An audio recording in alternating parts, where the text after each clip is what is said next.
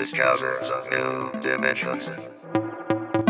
This is Dimension X Vanilla.